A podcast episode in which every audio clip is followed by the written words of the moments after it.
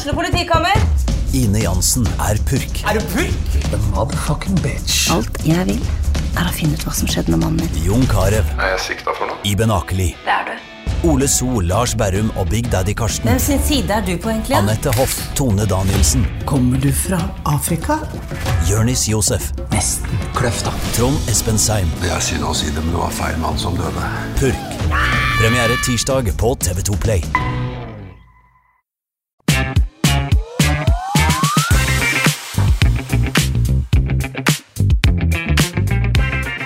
Hjertelig velkommen til en ny episode med På ballen. Jeg heter Jonas, og med meg har jeg selvfølgelig Patrick. Hei, Patrick. Hei, Jonas. Takk for sist. Eh, alt bra? Ja, alt er bra. Det er eh, strålende vær på Kongsvinger. Kiel vinner fotballkamper, minus cupen. Ja. Eh, men alt i alt lite å klage på. Og Kiel er altså tabelltopp i Obos-ligaen. Det, det er det lenge siden man har vært. Det er eh, lenge siden. Det tror jeg kanskje du fort vekk har en fasit på også, Jonas. Eh, Forrige gang Kiel toppa Obos-ligaen. Vi må helt tilbake til eh, den gangen du spilte fotball, egentlig. Vi må tilbake til 2009. Da toppet Kiel Obos, eller da, da var det Adecco-ligaen, het det vel da. Førstedivisjon. Da ledet Kiel etter fem serierunder. Fem serierunder. Og var på topp da i femte, sjette, sjuende og åttende serierunde. Ja, der ser du. Så det er ikke hverdagskost at uh, Kongsvinger leder eh, en av de to øverste divisjonene i Norge. Det er det ikke, og i hvert fall ikke såpass langt ut i sesongen. da, For nå er det, vi er i juni, elleve serierunder er spilt. Kiel på tabelltopp, og vi, vi sjekka også Eliteserien. Kiel leda etter én serierunde i 1996, og etter første og andre i 1992. Så det er, det med Det medfører eh, ja, sjeldenhetene at eh, Kiel topper eh, ja, en, en første eller nivå én eller to, da. Ja, det, det forteller meg at det Kongsvinger har gjort nå, det er jo, det er jo historisk. Kongsvinger har aldri leda førstedivisjon, hvis vi kaller det det for enkelhets skyld, Ja. så seint i sesongen noen gang. Det er helt riktig. Og man har jo rykka opp da, ved ulike anledninger. Så nå gikk jeg ikke helt tilbake til eh, 1982, da, da man rykka opp. Det, men hvis noen husker det som hører på, så send oss gjerne fasiten på det, hvordan status var eh, helt til man slo Grand Bodø i opprykksfinalen 1982. Der er jeg god, Der er du sterk. Nå er du sterk. tror jeg, da. Det var Grand Bodø. Da ble jeg arrestert på Men, det. men det er en altså. eh, annen artig quiz eh, på den der. Eh, Jeg tipper du har svaret på det. Ja, få høre. Hvem tok Kiel over serieledelsen fra i 2009? Nybergsund-Trysil mener jeg hadde en god start eh, i 2009. Det er ikke mange som, eh, det er ikke mange som tar den. Nei, nå har jeg vært, skal sies da at jeg har vært inne og sett litt i historikken tidligere i dag. Så Men det, det er en artig fun fact. Kiel er uansett på tabelltopp, eh, og da tenkte jeg at vi må ha en god gjest. Og, jeg, jeg, vil ikke avsløre for mye, men det er en gjest som Skal jeg si han, eh, han har ikke vært helt fornøyd med børskarakterene våre i år. Eller kanskje han bryr seg ikke så veldig mye. Men jeg syns han fortjener en ordentlig introduksjon, eh, Patrick. For det her, her har vi en levende, aktiv legende. Eh, det er altså, hvis tallene stemmer, da, 272 Kiel-kamper. 121 mål. Ja, helt fantastisk Kiel-karriere. Og nå er han her i studio hos oss. Adam Gyven, velkommen. Tusen takk. Tabelltopp for Kiel. Eh, hvordan, er det, ja, hvordan er den tilværelsen? Nei, det er godt. Eh, Det har jeg ikke opplevd i min Kiel-karriere ennå. Det er vel første gangen jeg opplever tabelltopp i Obos-liga, så det var eh, fint å være der oppe nå. Ja, det, Hvordan skal man bevare eller sikre seg den plassen? Nå er det tøffe kamper framover. Nei, det er ikke lett. Det er ikke lett. Det blir tøft det her å holde seg der oppe, men eh, det er jo ikke det vi har eh, fokus på om å holde der oppe. Men det, vi har eh, mer fokus på å henge med der oppe, så, så får vi ta kamp til kamp og se hvordan det blir til slutt. Men eh, det hadde vært fint å være der topp, på toppen hele veien. Jeg måtte jo erte deg litt eh, i starten her. Jeg fikk en melding av deg angående børsen vår. Du var ikke helt fornøyd? Nei, jeg så jeg så det bare Jeg pleier ikke å følge med på deg, faktisk. Bare helt, helt ærlig. Jeg gjorde det da jeg var yngre, det gjorde jeg, så da var jeg litt mer nysgjerrig på hva som skjedde ute i avisen og alt det der. Men nå var det liksom Jeg kom på det. og så at det var du og Pat som drev og ga børs. Det visste jeg jo ikke. ikke sant? Og så når jeg så det, og så så jeg at ok, Jonas, du har gitt meg en firer på den kampen her. Så da sendte jeg meldingen. Jonas, har du sett kampen, eller? Da tenkte jeg, da tar vi den praten i studio. Tenkte jeg det fortjente det. Ja, det er fint. Det er fint å få komme hit og forklare seg hva som er Ja, For da hadde du fortjent bedre.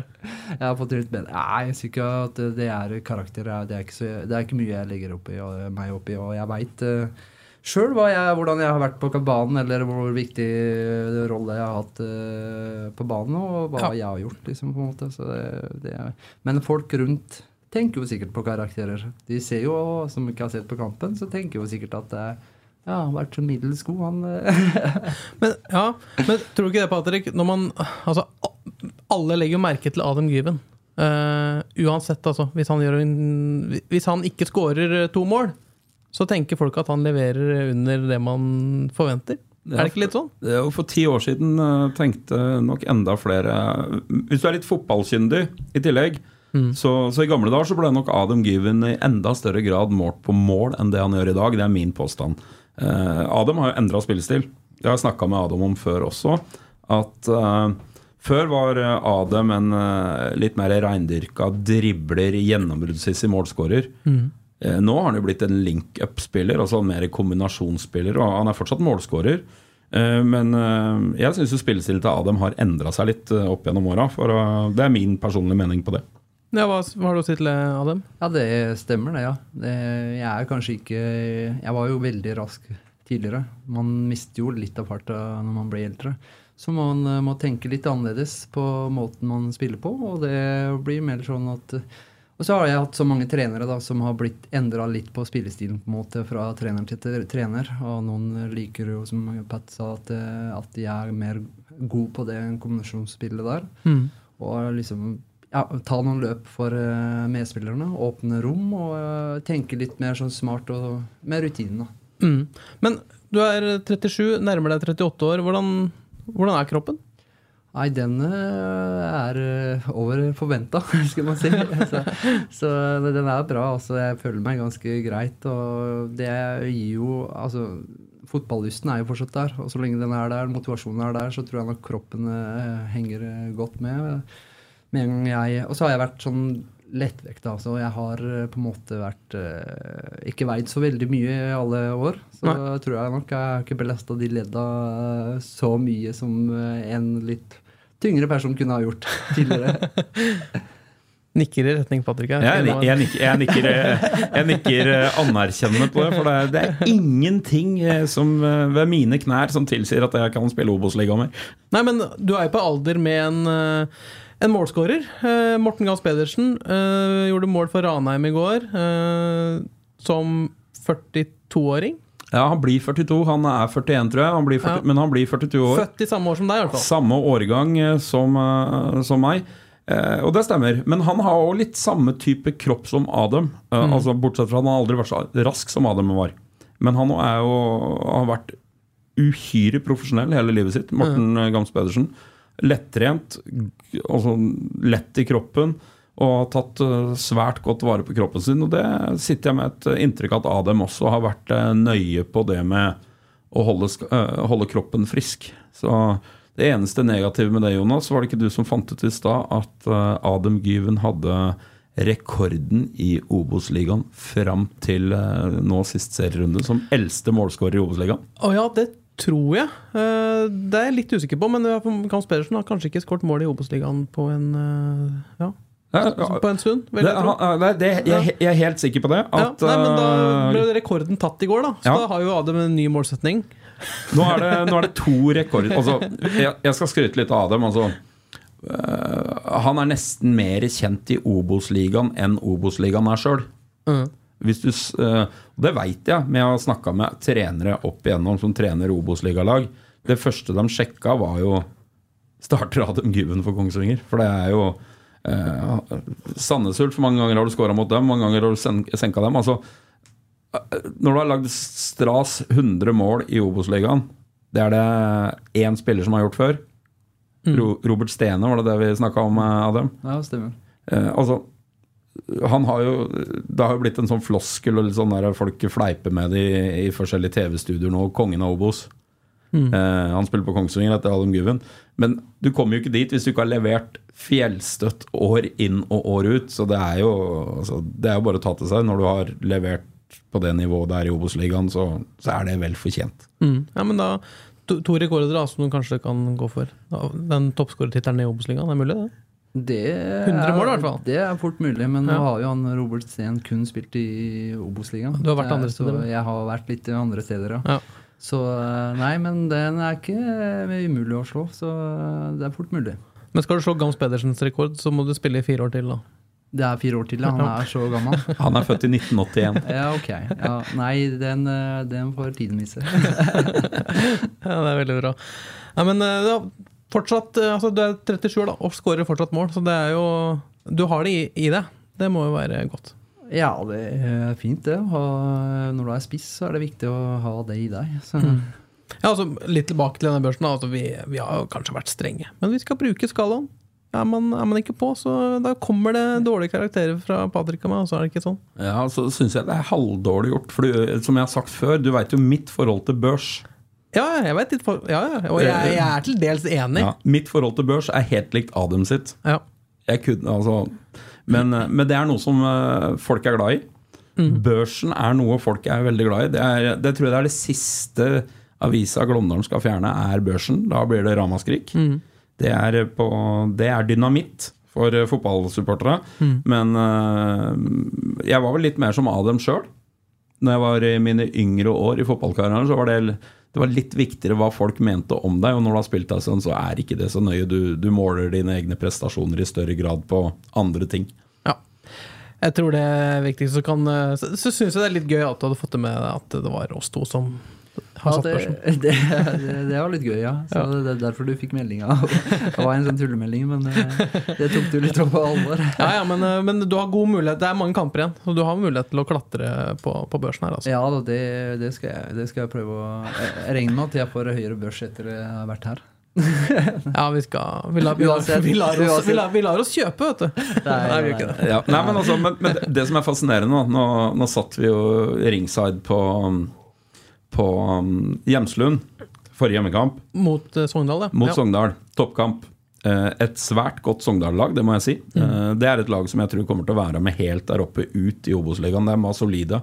To gode kanter. Solid, bra, bra lag. Adem gjør ikke all verdens vesen ut av seg i den matchen før han får den ene muligheten. Den setter han på en måte som Det er ikke så mange andre spisser i Obos-ligaen som scorer det målet på den måten. Jeg er helt enig. Og det, og det reflekteres ikke helt av børsen. Altså, den skåringen er jo Det er tre poeng. Det er det du får. Du får tre poeng til kill. Du er matchvinner.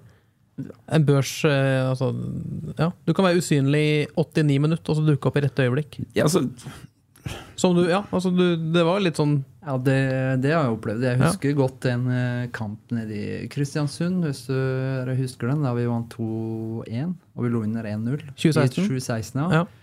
Eh, Lå under 1-0. Jeg følte at jeg spilte den dårligste kampen jeg har gjort noen ganger.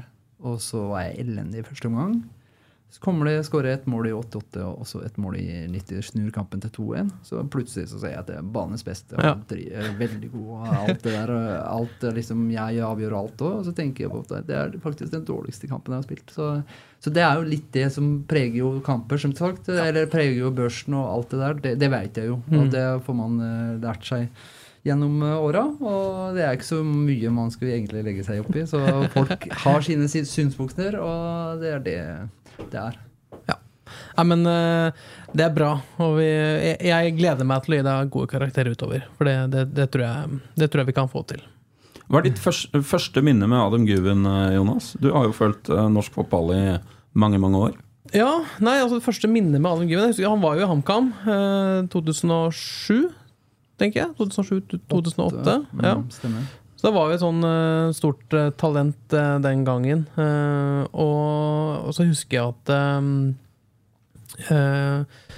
Det var jo et altså, Da Kiel rykka opp i 2009, da, Eliteserien 2010, og Adem kom, så var det en av de første sånn, signalsigneringene at da fikk man tak i faktisk da et veldig veldig stort fotballtalent den gangen. Det er på en måte kanskje første minnet mitt.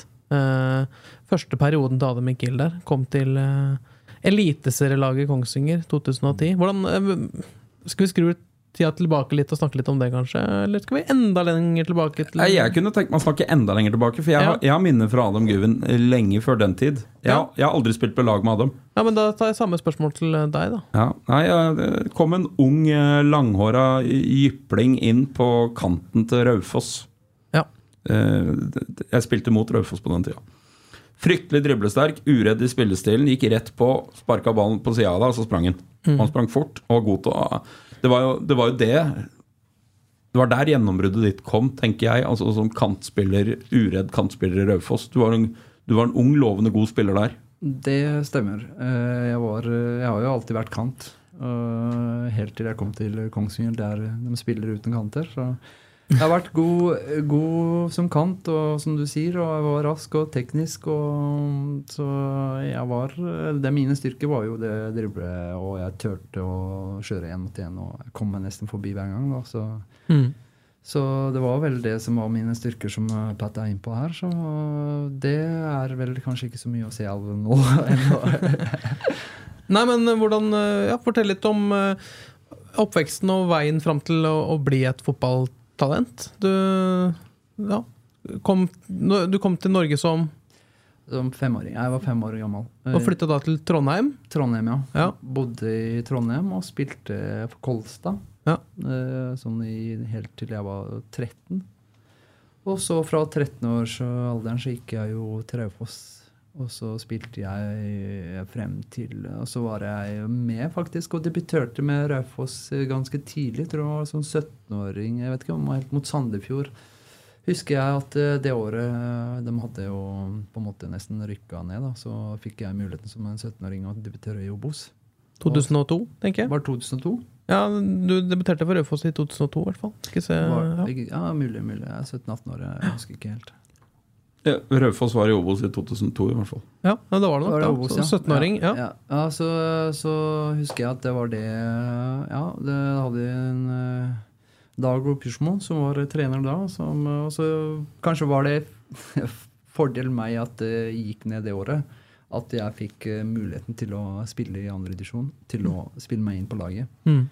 Så spilte vi to sesonger i, i andre edisjon eh, med Raufoss. Og så hadde jeg et signert treårskontrakt. Med treårs eh, juniorkontrakt, skulle man si. Så Ja. Billig. billig, billig eh, bare for å Eller sånn som alle de unggutta som får det her òg, som sagt. Så man må jo gjennom det, alle mann. Så jeg var jo gjennom det òg. Så etter to år så rykker vi jo opp til Obos, og så har jeg bare ett år i Obos med Raufoss. Så gjør jeg en kjempesesong der jeg blir ja, linka til noen flere klubber som ville ha meg i Eliteserien. Som Ålesund og HamKam og var noen andre som var ikke helt eh, ja, Som ikke var konkurrent. da. De konkurrente tilbudene var jo mellom Ålesund og HamKam.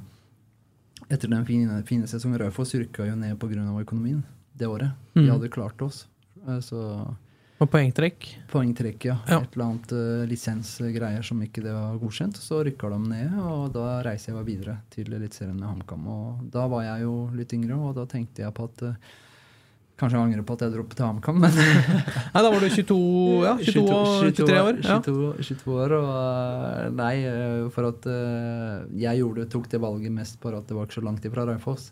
Hadde familie og venner og alt det der, og så var det like godt betalt og like eliteserie begge lag. Og så, eh, så tenkte jeg etterkant, ettertid, så tenker man at Ålesund hadde vært litt eh, finere med atmosfære, fotballatmosfære. Den stadion der er jo kanskje litt artigere å spille på Ja. enn eh, det er på Briskeby eh, fra den tid, når de drev og bygga rundt hele stadion. Og så ble stadion halvveis ferdig.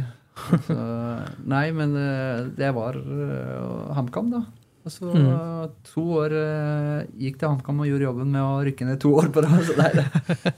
Ja, da gjorde du jobben. Nei, nei, da, men det, nei, jeg har ikke noe mot eh, HamKam sånn sett. Altså, jeg, har, eh, de har jo, jeg har jo blitt godt likt der òg, så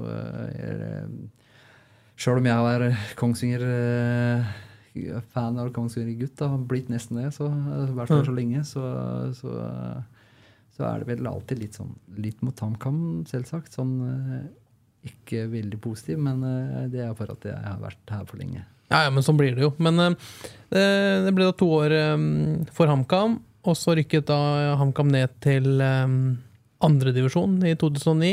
Eh, Samme år så tok Kiel veien opp til Eliteserien. Og da Ja, hva skjedde? Hvordan havna du på Kongsvinger? Nei, det, det var at jeg hadde ett års kontrakt til ett år igjen i HamKam. Jeg hadde signert i tre år. Så Ja. når det var Så eh, hadde jo greit eh, lønn der og til å spille i andredivisjon for HamKam. Så eh, ville de da ja, bli enige for å si opp kontrakta. Litt kunne- dyr spiller. Litt dyr var jeg kanskje ikke fra den ja, men, Hva for en andredivisjonsklubb? andredivisjonsskole, kanskje. Ja. Men så endte opp med at vi ble enige om at vi sier opp kontrakten når Kongsvinger kom på bildet. Så, Mm. så valgte jeg å si opp kontrakten der og komme gratis til Kongsvinger. Og da var det å hive seg i bilen til Kongsvinger, da. Ja, det var ikke lange veien det heller, så, så jeg har eh, Ja, da var jeg her. Da var det Morten Kristiansen som var eh, sportsdirektør der. Så jeg kom til et lag med spennende lag, faktisk, husker jeg den eh, tiden. Det var mange fine karakterer og fine folk, og et godt fotballag, egentlig. Som uh, syns jeg at det var litt synd at vi ikke klarte å holde oss der eh, i Eliteserien. Ja.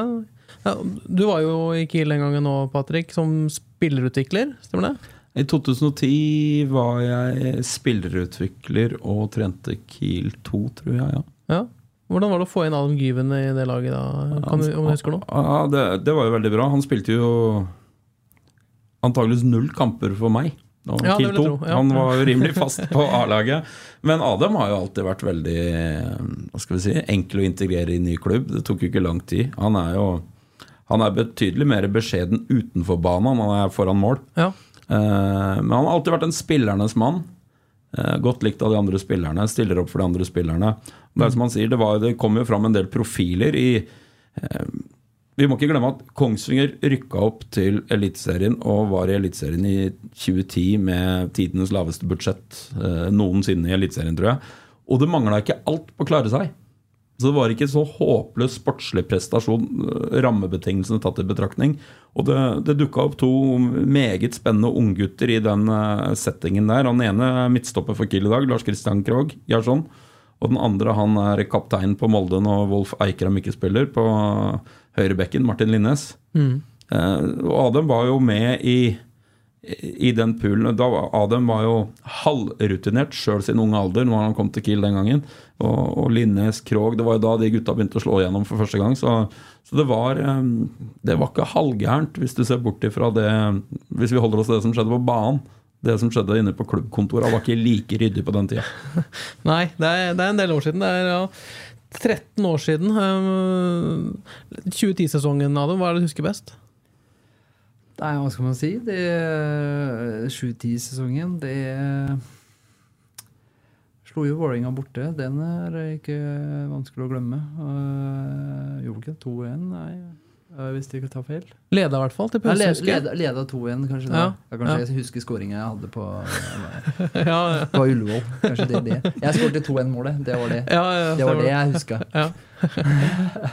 Nei da, men det er vel eh, Det var jo ikke en kjempesesong sånn sett, da når det ble nedtur med nedrykk. Men eh, det var jo som eh, Pat var innpå. Man var jo med nesten hele veien. Ja, vi hadde sleit litt i sånn bort Altså sånn, ja Siste minuttmålet, og type 1-1-kamper og eller, var Mm. sånn På slutten sluppet inn mål og Så vi hang jo, hang jo godt med alle lag. Det gjorde vi. Så Mm. det var litt synd at det som skjedde, og det var Pat innpå. At det var sportslige var jo eh, bra. Det økonomiske var jo et eh, lite problem da. Husker jeg at eh, måtte jo til og med ned i lønn på grunn av for å holde klubben eh, til å ikke gå i konkurs. Mm, mm. Så, så Kiel nå, i forhold til da, så, den, eh, så har Espen gjort en kjempejobb. To helt ulike klubber. To helt ulike klubber, ja. Den, den tiden jeg var der, så kan man eh, risikere at det gikk i konkurs, ja. Mm. Men nå er det jo Han har gjort en kjempejobb på Kiel. Det, det ser man nå på alle tallene de, de har fått, de grønne linja og alt de, de har fått. Så Nei, Kiel eh, er i bedre hender nå, tenker jeg. Og så ble det da et nedrykk 2010, eh, som kjent. Eh, 2011, eh, da førstedivisjon. Eh, og så ble det en ny klubb. Da var det Odd. Da var det Odd, ja. Da var det eh, Ja, det, vi rykka ned, og så var det førstedivisjon et år der. Og så eh, kontrakten gikk ut. Så gikk jeg jo til Odd. Det Da var, det helt, var du helt klar på at da skulle du til en ny klubb, eller? Da kontrakta gikk ut i 2011? Nei, det, vi, det var jo Nordli som tok Vi holdt på å rykke ned det året med når Nordli Ja, Per Brogeland inn. Uh, Ja, og så var det Nordli tok, jeg tok siste ti kamper, kanskje. Eller noe så halv siste Ja. perioden. Så klarte han å vinne. Vi vant kanskje sju-åtte på rad, som klarte å holde oss. Og han gjorde en grei jobb da. Ja. så, så gikk kontrakten min ut, da. Så, så valgte jeg og fikk jeg tilbud til fra Odd, eh, Fagermo. Så var det litt interessant å spille i Eliteserien igjen. Så var det det som gjorde at jeg valgte. Ja, det ble jo mm, to år i Odd. To år i Odd, eller ja, ett og et halvt, nesten to år, ja. Ja, Fortell litt om tida di der. Hvordan eh, er det å spille for Skiens? eh? Nei, det var fint. Fin klubb. Veldig fin klubb og profesjonelt. Og ja, en fin eliteserieklubb. Og jeg var jo der et og et halvt år, og jeg signerte jo egentlig litt. Jeg hadde, stor, jeg hadde egentlig ambisjoner hele veien til å reise til utlandet eller Tyrkia, eller et eh, mål om å komme meg dit. da. Mm. Så jeg signerte jo litt med Odd eh, ett og et halvt. Sånn ut, så at den går ut sommeren, kontrakta mi. Så jeg blir fri eh, i sommer, så da er vinduet til alle lag i Ja. Europa oppe. Så jeg har mulighet til å gå gratis til et, et eller annet klubb, da. Mhm. Så da signerte jeg jo en sånn kontrakt da med Odd, og så gikk det jo veldig bra i Odd eh, som sportslig som min, for min del. Så spilte jeg jo en del, og spilte en del kamper. og var, ble en viktig spiller på, for laget. Og så uh, fikk jeg jo muligheten når kontrakta mi gikk ut uh, ja, i sommeren, til reist reise dra til Tyrkia. Sommeren 2013. Sjøl om jeg tidligere så ville Trond Amundsen ha meg til Fredrikstad, når Fredrikstad sleit ned i bunnen der. Ja, ja. Ja, så, kom, så fikk jeg det, satte de et bud på meg på når jeg spilte i Odd. Og ville kjøpe deg? De ville kjøpe meg fra Odd, ja. Og da ville jo Odd på en måte selge meg for at jeg skulle ut uansett til neste sommer. Ja, ikke sant. Så, så ville de tjene penger, og fikk de en god bud òg, faktisk. Så det var litt god dialog med Fagermo, krangling med Fagermo. Så du kunne, du kunne fort ha havnet i Fredrikstad? Ja, det kunne jeg gjort, men det, da, det gjorde jeg ikke da, for at eh, jeg hadde andre ambisjoner. Hva var budet på? Det får være opp til meg. Det var, det var bra bud, altså. Det var eh, bra nok til at uh, Fagermo drev og uh, snakka meg Altså benka meg, faktisk. okay. benka meg til å spille Han sa da må du innse at du spiller andredivisjon, sa han til meg. Hvis ikke du drar, da, tenker jeg. Så eh, det var litt sånn, men jeg fikk spille til slutt igjen, da. For at eh, det J. Men du fikk jo da Du fikk jo oppnådd eh, målet ditt. Det ble utenlandsfotball. Eller ja, det ble Tyrkia. Ja, det ble Tyrkia. da, Så fikk jeg en god tilbud og god mulighet til å reise til Tyrkia. Og det var det som har vært en av de ambisjonene mine i, karrieren. da, Eller hvis det ikke skulle bli enda større ligaer. Men eh, så endte opp eh, når jeg ble 28-27, så tenkte jeg at eh, nå må jeg kanskje prøve meg ut i utlandet. Nå eller aldri. Nå er muligheten, ja. Hvordan, ja, hvordan skjedde det egentlig? Er det nettverket ditt i Tyrkia som det dukka opp fra? Var det gjennom en agent, eller hvordan du, ja, Hva skjedde? Nei, det, det er litt sånn Kanskje det er fortsatt litt sånn, og nå er jeg så gammel at jeg ikke får noen agenter på meg. Men det, fra min tid så var det liksom mange som sendte meldinger. med Mange forskjellige agenter og, som eh, ville ha jobb med deg. Og da var det litt sånn at uh, du stolte ikke på alle. Det gjorde du ikke. Så da var, det, var jeg litt sånn kald og rolig og sa at uh, bare hent en kontrakt til meg, så skal vi se om jeg skriver, signerer med deg. sa jeg da. Så kom det en, eh, en uh, svensken som har spilt fotball eh, i Tyrkia før òg Ja. som jeg spilte i Göteborg, som et agent, som kom bort med en kontrakt til meg. Så en god kontrakt i Tyrkia. Så da valgte jeg å ta muligheten. Da ble det altså Mersin Idmanjurdu. Ja, det ble det. Det, det var to fine år. Ja, fortell om klubben. Nei, det var veldig, veldig fin by. Det, Jeg tror det er en av de fineste byene i Tyrkia òg. Ved langs kysten og ja, mye, Veldig varmt. En av varmeste områdene. Så Hadde to fine år eh, både på og utenfor banen. Eller kanskje ikke så mye på banen. Jeg var så mye, så mye skada. Jeg har hatt en del skader altså, i, i, i Tyrkia, så jeg var litt, litt uheldig sånn sett. Men uh, jeg gikk til en klubb som var i Obos i Tyrkia, kan man tenke. Mm. Som hadde ambisjonen om å rykke rett opp, og hadde investert på mange spillere. Og hentet inn mange gode spillere. Mm. Så det ble til slutt at uh, vi rykka jo opp, da. Det gjorde vi. Kom på sjetteplass gjennom playoff. Så kom vi til finale, og så vant vi finalen, og så klarte vi opprykket. Så eh, det var litt ett år i Obos og ett år i toppserien i Tyrkia. Så det var to fine år, to fine opplevelser, altså år med gode opplevelser. Litt annerledes opplevelser som det er i Norge. Så helt noe annet. Så Ja, litt annen kultur, litt andre rammer rundt eh, kampene, vil jeg tro. ja, absolutt. Det var eh, Der eh, kunne ikke du reise på kamp med sykkel, liksom.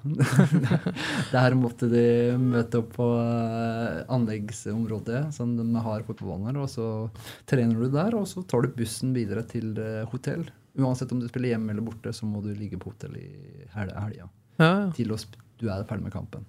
Så da kan du reise hjem etter det. Så det er sånn det var. Uansett, så hver helg så var vi borte. Så, så Hvordan var interessen rundt den klubben i den byen? Det er, det er stort. Det var by med øh, to millioner, tror jeg. tenker jeg. Ja, det var to millioner.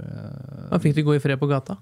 Ja, det gjorde jeg jo det, da. Men jeg, som jeg sa, jeg hadde mye skader. Og Ja. det var liksom på en måte Jeg brakk jo kragebeinet. Jeg røyk jo Når jeg kom tilbake, røyk jeg hamstringen helt, nesten helt av. Så, så jeg var liksom ankel og det, liksom, det var litt av alt. Altså. Mm. Jeg spilte en del, ikke så veldig mye, men uh, sleit veldig mye med skader. Og så er det liksom hadde jo På de to åra så hadde jeg kanskje fem-seks trenere. da Så du blir kasta ut. Ja. Taper to kamper, så er det rett ut.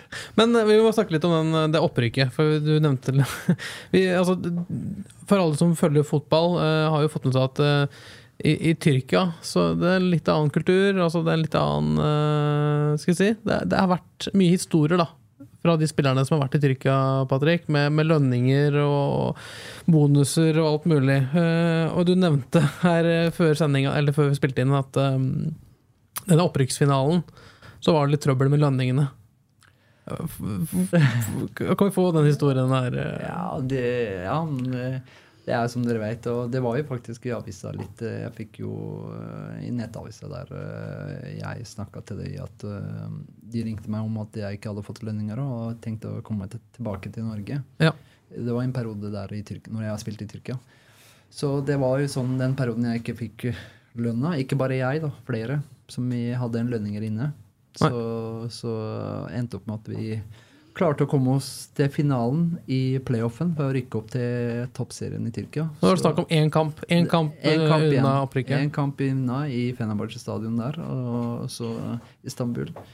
Så den helga vi er på hotell, og så har vi ikke fått eh, de tre-fire lønningene alle mann som har inne. Som vi- Ganske mye utstående, altså. det var ganske mye utstående, ja. Ja. Så, så var det sånn at vi måtte ha de penga før vi kunne spille. Så vi gikk i streik alle mann. Altså det er kapteinen som kom med, og så sa han at eh, ingen her går på banen før vi har fått de penga. Og så Da er det liksom siste døra. Altså, Dette er fredag ettermiddag. det er fredag, altså kamp på søndag. Ja. Så, så tar vi et møte altså, blant spillere, for at eh, de skjønner jo sjøl at hvis vi spiller ferdig i kampen, så om vi taper, så får vi i hvert fall ikke de pengene. Nei. Og om vi vinner òg, så får vi ikke det igjen. så det er liksom, da er det ferdig. Da er det rykka opp og får mye penger inn, og så henter mange nye spillere, og mange som er utgående kontrakt. og så blir det litt sånn, eh, det var mange som var eh, Jeg var klar over at de ikke skulle få de pengene fort. Så vi gikk i streik, og så endte opp med at vi vi nekta å spille den kampen så, mm. som et lag. Altså alle gikk sammen, og det var det ja, Så ja, skal vi komme til å si det siste der. Det endte opp med at eh, vi ikke spilte den kampen, og klubben kom og sa at uh, hvis vi skal legge de penga på konto nå, så kommer de ikke før mandag. Og det, den eh, beit vi ikke på. Nei, ikke sant? Nei, det gjorde vi ikke. Så for at uh, mandag så er alt over, så uh, ser du ikke de penga igjen. Endte opp med at vi skulle ha de penga i At de skulle ta ut og skatte alt det, det greier fikse det at vi får dem i cash, da, på en måte. Ja. Så, så, så måtte de gjøre det for at vi skal ut på banen Mm. og spille den kampen. Ja, Da ble det en historie med at vi måtte opp på hotellrommet der at du så, så du så en mann bak penga på bordet for å hente lønninga di. Litt sånn Breaking Bad eller sånn uh, eh, ja. Onkel, onkel Skrue i Donald Duck. ja. Ja, ja, bord full med, med, med, med euro, eller hva var det riktig? Ja, det var, eh, det var nok i euro og tyrkiske lirer. Så eh, nei, det var, det var litt sånn uh, historie der, da. Så vi, vi fikk jo til slutt de penga. Og da var det bager med penger på alle mann, tenker jeg. Så Ja. Og da, da var dere på hotellet og fikk Ja. da utbetalt eh, lønninga, og så reiste på kamp? ja, jeg fikk utbetalt lønningene, og så reiste vi på kamp med penga inn i garderoben hele så Og det var jo ikke smålønninger. Det var jo, hvor, hvor mye tjente en toppspiller i Tyrkia? Nei, det mest betalte i vårt lag så var jo 1,2-1,3 euro i året. Ja. Euro. Så det var eh, greit med penger der. Det var noen millioner i den garderoben under finale, eller playoffen. da ja, Finalen. så eh, ja, det var det. Så hvis det hadde noen vist vite at eh, hvor mye det penger det var i garderoben, så var det vel bedre å rane garderoben enn baken, skal du si. Men, men du er jo oppvokst i Tyrkia, Adam. Altså, det er jo en passion for fotball der nede som er jo helt enorm. Eh, Men er det sånn i Tyrkia at man holder med sitt lokale lag, og i tillegg så holder man enten med Besjiktas, Fenerbahçe eller Galatasaray? Stemmer. Hvem var ditt eh, lag? Nei, det har alltid vært eh, Galatasaray. Det siden jeg var liten, så har jeg alltid vært Galatasaray-fan. Og det har jo vært veldig passionate òg, faktisk. Jeg har fulgt veldig godt med. Og har vært, hadde nesten altså Når jeg var yngre, så gleder jeg meg til en Champions League-kamp som Galatasaray skulle spille. Så det var liksom eh, veldig stor fan. Men eh, det datt jo litt ut etter hvert når du ble profesjonell sjøl og spilte sjøl og rak, fikk ikke sett kampene. og så... Rakk du å spille mot Galatasaray sjøl noen gang? Ja, jeg var på benken, da. Jeg spilte jo ikke, men jeg var på den stadion og fikk oppleve litt eh, det gressmatta der. Men så var det ikke så mye jeg fikk spille der. Men eh, altså, det er jo tre giganter i tyrkisk eh, fotball. Tre, tre Istanbul-lag. Eh, Hva, hva, stor, hva store er de klubbene i tyrkisk fotball? Altså de Galatasaray, Fenerbahçe og Besiktas. Altså, hva skiller de klubbene? Det er jo, det er jo giganter i Ja. europeisk fotball også. Ja, det, det er tre store klubber der det er eh, stor, stor eh, ja, Hva skal man si? At det er ja, I hvert fall Fenerbahçe og Galatasaray blir jo en av de største derbyer. Sånn en, eh, det er stor, største hatoppgjøret, kanskje. Så, så det, de hater hverandre, eh, rett og slett. Og det er litt passion i det. Det er litt kult òg. Og det, de kampene der, så finner du ikke lett billetter til å dra på. Og finner du det, så må du nok være forsiktig på hvilken side du sitter på. Eller, eh, ja, så...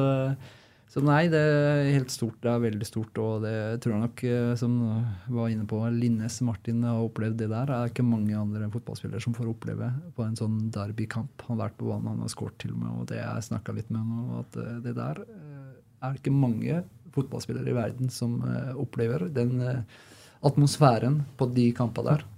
Det merker du på de store spillere som kommer til Tyrkia og spiller, og Drogba og de gutta der, og Icardi nå, da, som mener at eh, det, er, en av de sykeste atmosfærene jeg opplever. Hvordan er, altså Vi kan jo snakke litt om Martin Linnes. Han har jo med den lokale tilknytninga der. Hvor- hva stor er standingen til Martin Linnes i Tyrkia?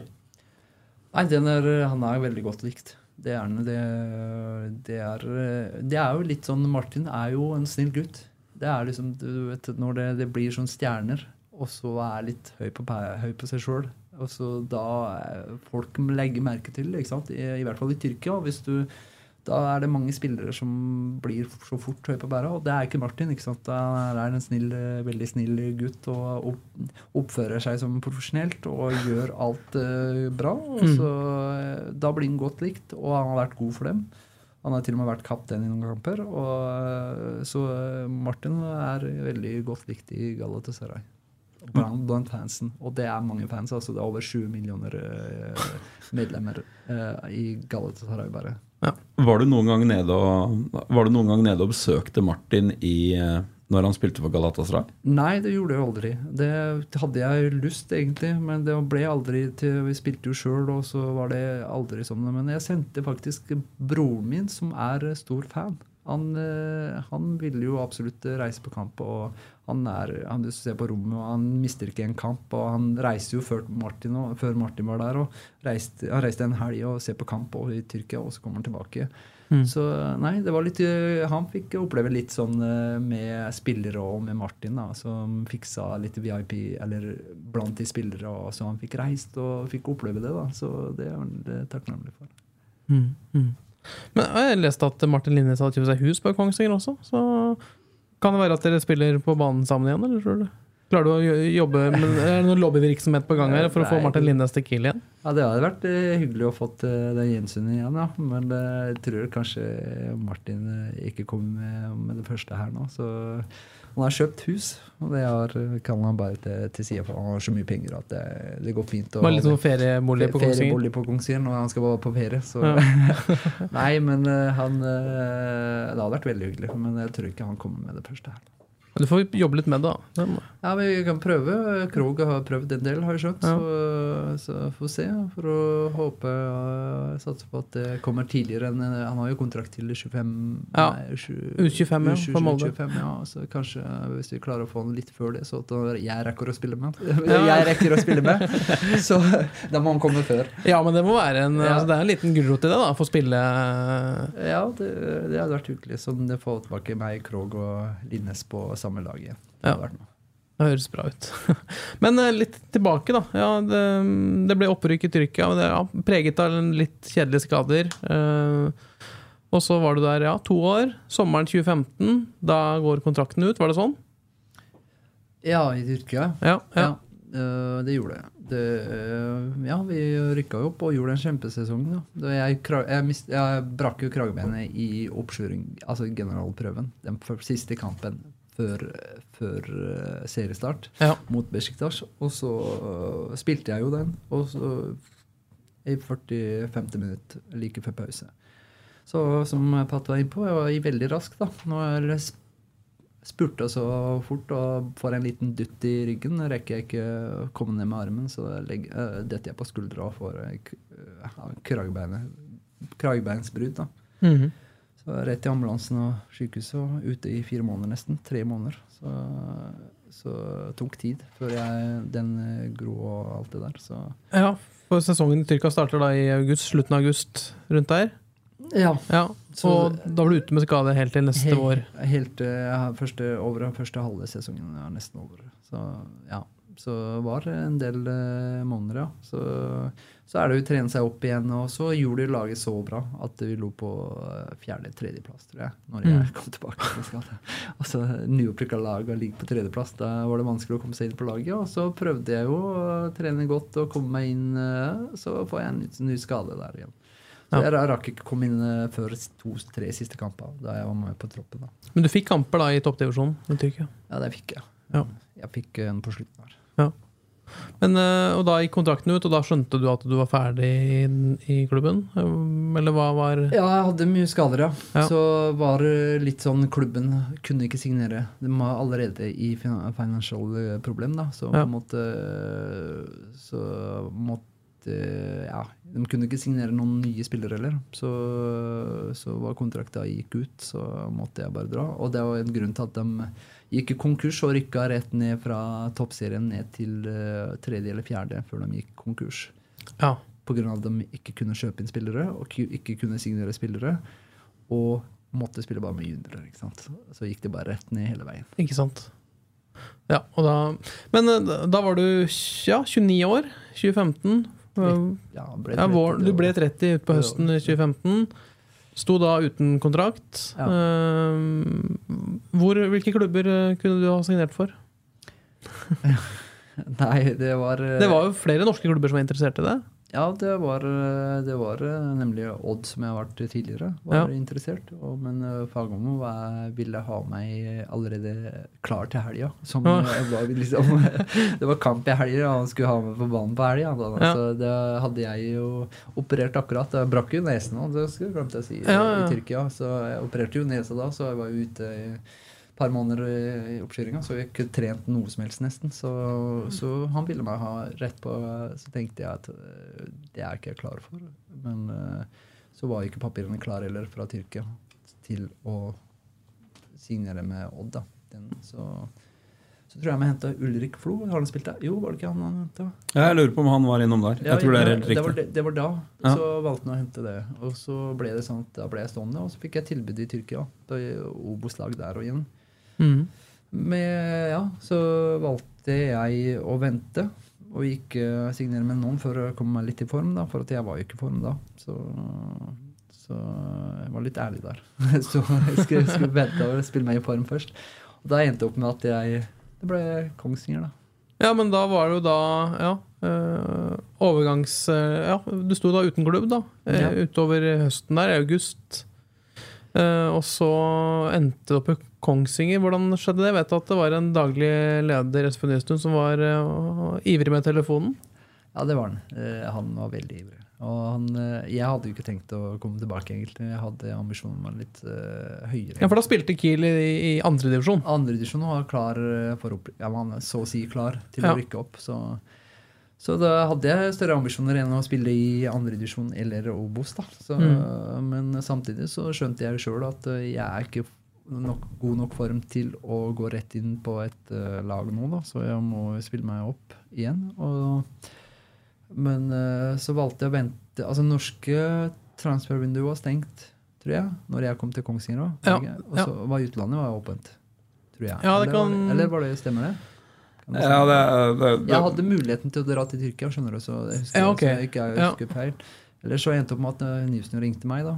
Så svarte jeg han ikke, da. Du svarte ikke.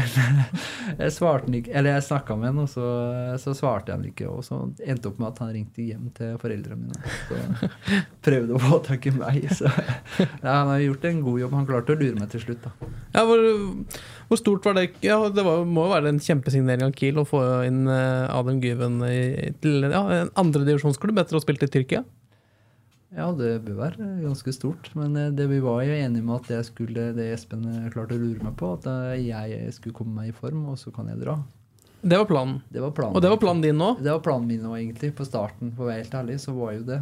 Og Mm. så spiller jeg den halv Jeg spiller ikke så mye det, det, det Høsten 2015, ja, nei.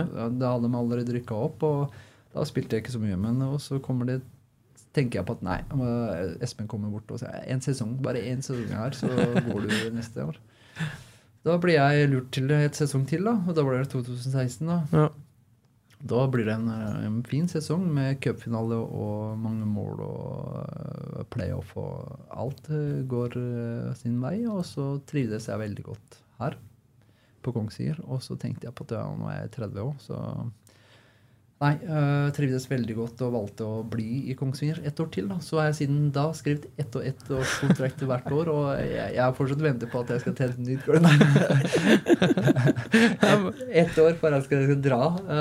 det har jeg gjort. Jeg har skrevet det ett og ett hvert år, så øh, Nei, jeg trives. Angrer ikke på det. Og jeg har trivdes veldig godt her i Kongsvinger. Og, og har følt, føler at jeg har gjort litt her, da.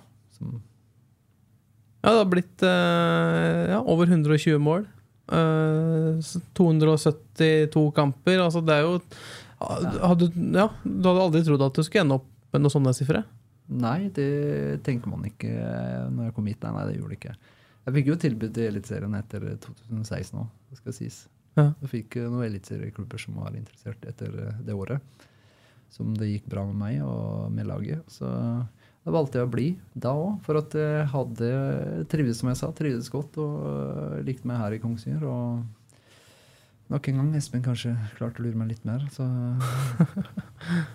så er det vel litt, eh, litt, eh, litt det med at jeg har opplevd Når du har opplevd noe som har F.eks. i Tyrkia, da, som er ganske høyt. Altså det du opplever der med både med fans og både med opplegg og profesjonaliteten på måten eh, hvordan det er å kampe, reise på kamper med eh, politibiler foran og bak bussen din. ikke sant? Så, Mm. til- Og så kommer du ned til stadion, så fullt rundt stadion, ikke sant? og så kan det bli stein og alt. ikke sant? Så det er liksom eh, den passionen der, altså den, Når du har opplevd noe sånt, så kommer du tilbake, og så har jeg opplevd mange Jeg har jo kanskje 100 kamper i Eliteserien nå, men tenker jeg at Altså det nivået på en måte å gå til Eliteserien kunne jeg jo dratt etter eh, og to år i Kongsvinger.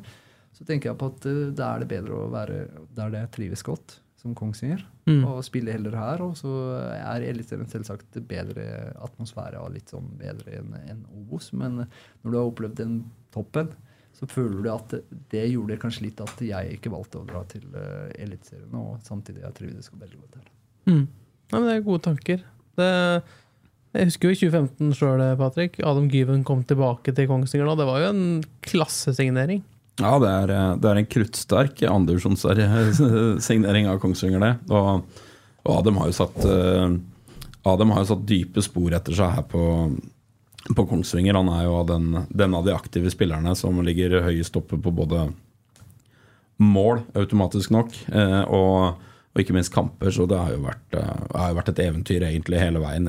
Hvis vi kan kalle det den siste perioden til Adem. Selv om den har vært på ett og ett år om gangen i, i, i snart ti år, så det, har det vært et eventyr. Og uh, jeg tror kanskje ikke folk som ikke er tett, tett nok knytta til klubben, forstår betydningen av Adem Gyven i Kongsvinger. Én ting er jo det du ser på banen med skåringene, vært kaptein.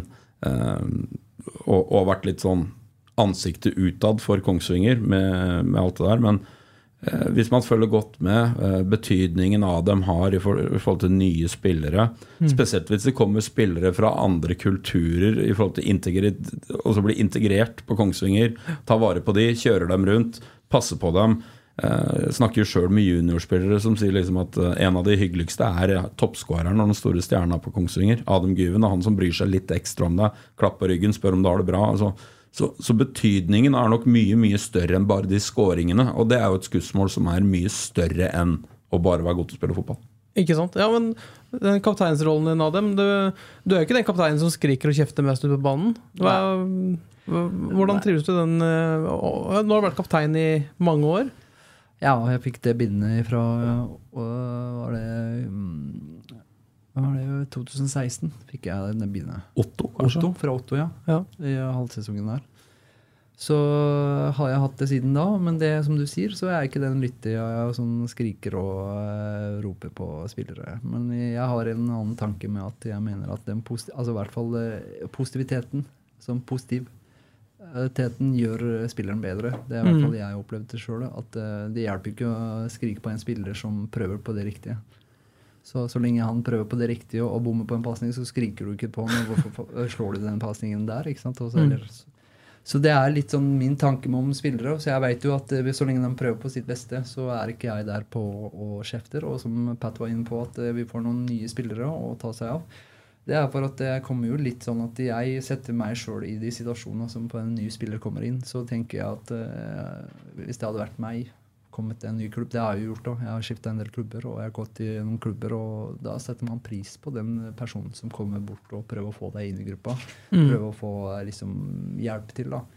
Og det gjør jo selvsagt hjelper laget. Hjelper han som kommer til å prestere, selvsagt. Så, så, eh, vi har jo hatt mange spillere inn også, og jeg har fortsatt kontakt med alle de som har kommet og gått, og de utlendinger og de norske og til og med. Så eh, prøve å være snill kaptein, på en måte. Så, ja, ja. Så, men samtidig så tror jeg nok det, det gir oss mer enn å uh, tenke bare på seg sjøl. Mm, mm. Jeg vet at du, det, det, er jo en, en så Kortmiljøet står jo sterkt på Hjemslund. Det spilles mye kort, blant annet uh, i peisestua uh, og på turer og sånn. Da sitter jo du og spiller kort med juniorspillere ofte, unggutta. Ja. Du, du, har tatt litt sånn fars, farsrolle. Du kunne jo vært faren til flere av de. Fars, farsrolle, ja. Nei da. Sånn er det, vet du, Jonas. Hvis du henger med de unge, så blir du ung lenge òg. Ja, det, det, det, ligger litt der òg. Det ligger der òg, tror jeg. tenker jeg. Ja. Når jeg sitter og, så jeg, tenker jeg litt som, eh, som de unge gutta. Og så tenker jeg, Hvis jeg har gått og sittet med de eldste, så hadde jeg nok eh, sagt at det er vondt her og vondt her. Og da er det det vi snakker om. ikke sant? Når du sitter med unge, så er du mentalt eh, blir du yngre. Så det er litt dumt av meg å henge med to sånne gamlinger som dere to. Det ja, ja, det, Tenk det, Jonas, at du er yngst i rommet her nå. Ja, jeg er yngst. Ja, det, ja, det, det, er jeg stort sett òg, Ja, det er, det er sant. Så Nei, men det er eh, Vi, vel, vi nærmer oss vel en avrunding på dette her nå? Jeg tror det. Vi må, vi må, vi må Nå har vi sett litt i, i, i historikken her, både for ja, uh, Spesielt da den innholdsrike karrieren til Adem. Veldig interessant å få litt sånn innblikk her. Det er jo en, en, en kul fotballkarriere som ennå ikke er slutt. Fordi det er jo mer fotball å by på. og ja, dagens uh, altså nå-situasjonen er jo tabelltopp i Obos-ligaen. Uh, vi må litt, vi avslutte litt med det. Nå er det altså kronekamp på Hjemstuen. Gratiskamp på Hjemstuen førstkommende søndag. Ranheim, som har tatt tredjeplassen, men jeg husker, i Obos-ligaen. Kiel på første, men det er veldig jevnt der, da. Uh, Kiel har ikke toppet Obos-ligaen da på 14 år. Det hvordan skal man ta med seg dette inn eh, i, i sommeren og, og, runde av med en skikkelig god høst? Nei, det, det, er viktig med at Det er også viktig at vi får støtte fra folket. At de møter opp på kamp og støtter oss. og at vi på en måte, Det hjelper jo veldig uh, oss på banen å få den liksom på en måte et topplaginstinktet. Uh, på en måte at uh, Hvis stadion blir litt fullt og litt sånn, så tenker jeg at uh, da blir vi mer som et topplag. Hvis ja. det, eh, folk bryr seg litt mer og prøver å se egentlig hvor stort det er å få det laget Kongsvinger opp i Eliteserien. Det er jo et varemerke, da, Kongsvinger fotball, tenker jeg, i Norge. Og så eh, Da er det viktig å støtte for byen og støtte for oss til å få oss der oppe. Så, så hvis vi klarer å fylle stadion, så lover du at du scorer mot Ranheim? Hvis stadion fylles, så som regel så er jeg et uh, par hakk bedre, ja. men, ja, men, du, ja, men er du det? Du, altså, du, du har smakt på det, den gærne fotballkulturen i Tyrkia. Så 3500 på Hemselund, det biter ikke på deg, eller gjør det det? Du merker at det, det, løfter deg litt? Ja, altså Det tror nok det biter mer enn jeg skulle gjøre 1500. Det, ja. det, det, tror jeg nok jeg gjør. Så, så det vil tror nok spiller en god rolle hvis vi får fulgt opp på stadion, og at folk møter opp og støtter oss. I hvert fall når det er gratis på den Ranheim-kampen, som er egentlig en viktig kamp. Som Vinner vi der, så er det veldig bra for oss. Mm, ja, du, altså, du, du, jeg vet jo at du, følger jo mye med på hva som beveger seg ellers i Obos-ligaen nå. Elleve uh, serierunder har gått. Hvem, uh, Kiel har tatt førsteplassen, men det er ekstremt jevnt der. Hvem, hvilke lag er det du ser på som de største konkurrentene til Kiel? Nei, Jeg ser jo det Pat var inne på. Sogndal syns jeg at det var det beste laget vi har møtt så langt. Ja. Det er som han sier, gode kanter og et godt lag, egentlig, som vi sleit veldig mot, føler jeg. Det er et uh, lag som kommer til å henge på toppen, tenker jeg. Og så er det Kristiansund, da, som har uh, hatt en dårlig start, men uh, lever litt på det at når man har kommet for Eliteserien og har den roen i seg med at det er et eliteserielag som de har vært i de siste åra, mm. som kan hjelpe litt det mentale for å holde seg der oppe. Så er det vel helt åpent for alle andre, tenker jeg. Men, men det var en god mulighet for Kiel i år?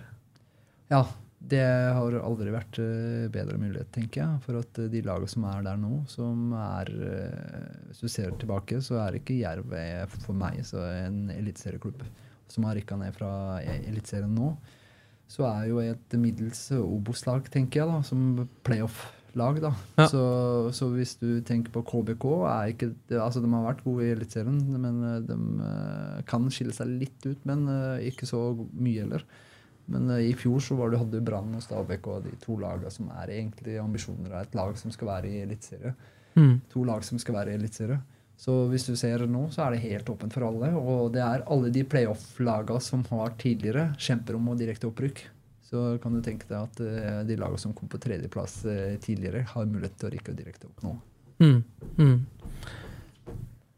Og skulle Kiel rykke opp, Patrick? Har en joker i Adam Given da?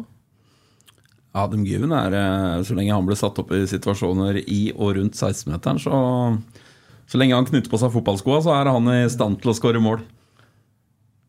Ja, det er riktig, Adam. Det, ja, det, du, du, du, blir med et år til hvis det, det blir opprykk? Det, tror jeg nok eh, Må jeg være med på det? Ja, jeg må nok være med hvis det blir opprykk, ja. ja.